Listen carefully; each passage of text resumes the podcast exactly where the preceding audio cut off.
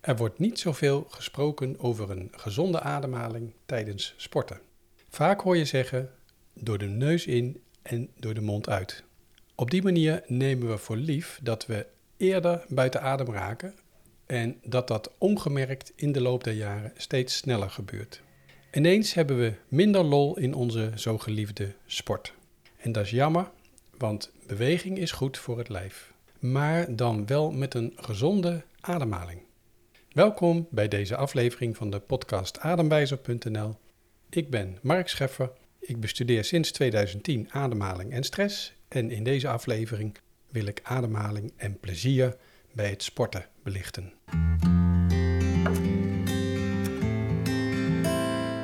Om te beginnen wil ik benadrukken dat bewegen van levensbelang is.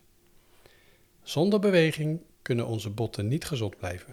Onze spieren zullen verslappen en ook andere functies gaan achteruit, zoals bijvoorbeeld de afvoer van afvalstoffen. En dat komt omdat ons lymfestelsel geen eigen pomp heeft, zoals het hart dat ons bloed rondpompt.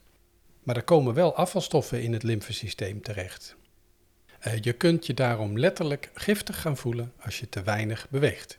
En daar komt nog bij dat stilzitten vaak binnen gebeurt en je met minder daglicht ook een vitamine D-gebrek opbouwt en je bezocht wordt door bijbehorende depressieve gedachten. Toch zet ik vraagtekens bij de mythe dat veel of intensief sporten goed voor je is. Ik kom dadelijk op het ademhalen tijdens het sporten, maar ik wil eerst graag iets kwijt over het gesprek dat ik had met een arts over sporten. Ik vroeg haar hoe ze aankeek tegen de enorme hoeveelheid sportblessures die jaarlijks weer mensen voor een langere periode of zelfs permanent minder mobiel maken. 1 op de 10 sporters krijgt jaarlijks een blessure. Deze arts stelde dat er te weinig aandacht is voor het welbevinden van het lichaam. Ze zei dat het effect van blessures op de langere termijn het voordeel van het sporten teniet kan doen omdat beperktheid in beweging door een blessure nu juist nadelig is voor het lichaam. Elke sport heeft zo haar eigen typische blessures. Onderzoek van de Universiteit van Glasgow wees uit dat voetballers een vergrote kans op dementie hebben, met name door het koppen van ballen. Bij de verdedigende spelers, die vaak lange afstandballen koppen, was die kans zelfs vijf keer zo groot. En bij boksen speelt hetzelfde probleem. Het punt dat ik wil maken is dat bewegen van levensbelang is, maar verstandig omgaan met je lichaam is dat zeker ook. En het is de kunst om daar een goed evenwicht in te vinden. Het lastige bij teamsporten is dat de sociale druk om mee te blijven doen en de druk van presteren daar nog bij komt. Je gaat dan minder makkelijk zeggen: Ik doe vandaag even niet mee. Ja, ik doe wel mee, maar ik doe het wat rustiger aan, want mijn lichaam heeft nu wat meer rust nodig. Tijdens een ongesteldheid bijvoorbeeld zou dat een normale gang van zaken moeten zijn. Een keertje over je grenzen gaan is niet erg, maar als er wordt gedacht dat je alleen maar beter wordt als je je grenzen verlegt en er telkens overheen gaat, dan kom je in de gevarenzone van overbelasting. Bij topsporters ligt dat ietsje anders. Dat zijn zou je kunnen zeggen, door natuurlijke selectie uh, al een soort van supermensen. En er wordt alle tijd en moeite ingestoken om ze zo vitaal mogelijk te houden en uh, genoeg tijd aan herstel te besteden. Nou, al dat soort luxe hebben subtoppers niet. Maar ook gewone mensen zoals jij en ik kunnen heftige gevolgen ondervinden door sportblessures.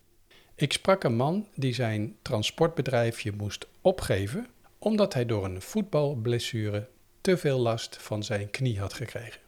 Mijn advies als adem- en stresscoach is om vooral eigenwijs te zijn.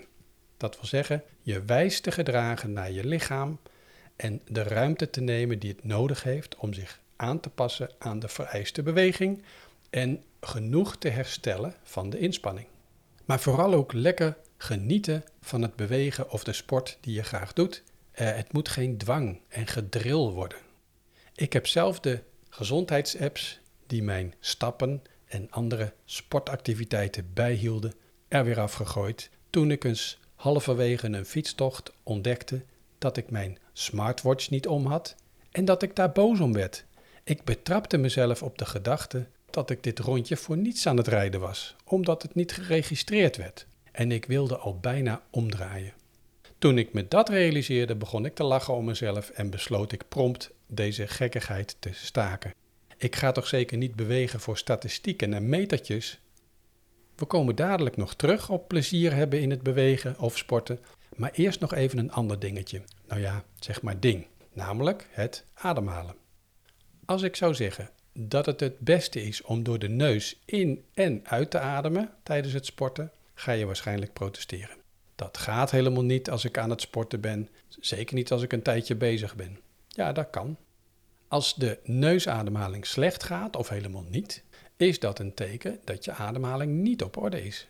Ik heb sporters, en onder hen ook professionele topsporters mogen begeleiden, die zich uiteindelijk weer konden inspannen zonder buiten adem te raken. En dus ook door de neus in en uit konden blijven ademen, zelfs tijdens een langere sprint of langdurige intensieve beweging.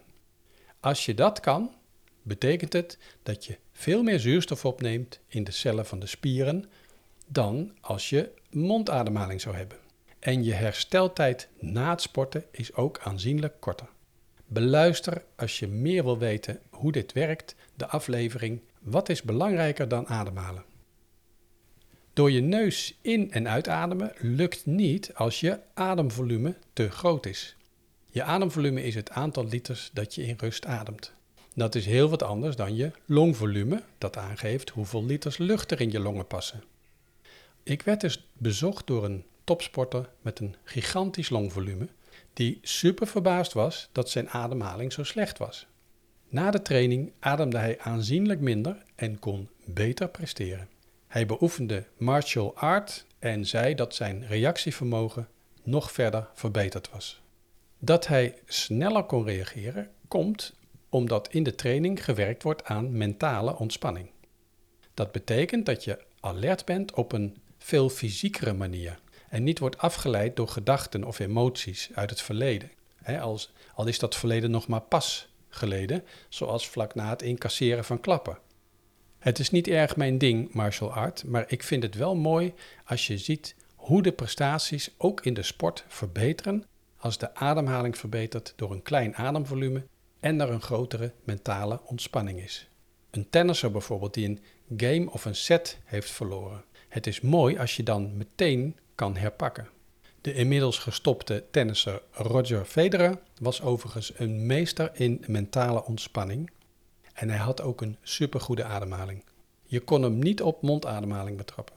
Hij kon even de draad kwijt zijn en, een, en misschien zelfs een paar sets verliezen, gebeurde niet vaak, en dan toch heel consistent terugkomen en de partij naar zich toe trekken. Dat is niet alleen fysieke, maar ook mentale kracht. En dan nog een ander aspect dat ik essentieel vind bij het sporten, maar dat wel eens wordt vergeten. Tenminste, zo lijkt het wel eens. Ik vind het fijn iemand te zien lopen die er plezier aan heeft te bewegen. Maar ik zie ook wel eens hardlopers waarbij ik denk: wat doe je jezelf allemaal aan? Het gezicht staat op onweer, het lijf wil niet mee, het is een strijd. En dat is niet handig, want we hebben namelijk ook te maken met ons zenuwstelsel. De gezondheid daarvan krijgt nog maar enkele jaren aandacht. Gelukkig was er Stephen Porges die de polyvagaaltheorie heeft beschreven. Het wordt door de inzichten uit de polyvagaaltheorie steeds duidelijker dat we onszelf onderuit halen als we te weinig blij zijn en te weinig vreugde beleven aan wat we doen. Je zou blij zijn best een vak op school mogen maken. Hè? En blij sporten lijkt me een betere eerste standaard dan succesvol sporten.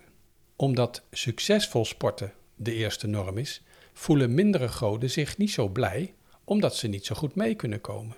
Ik zeg blijheid eerst en succes later. Kijk voor meer informatie over sport en ademhaling op ademwijzer.nl. Dank voor het luisteren en ik tref je graag weer in een andere aflevering.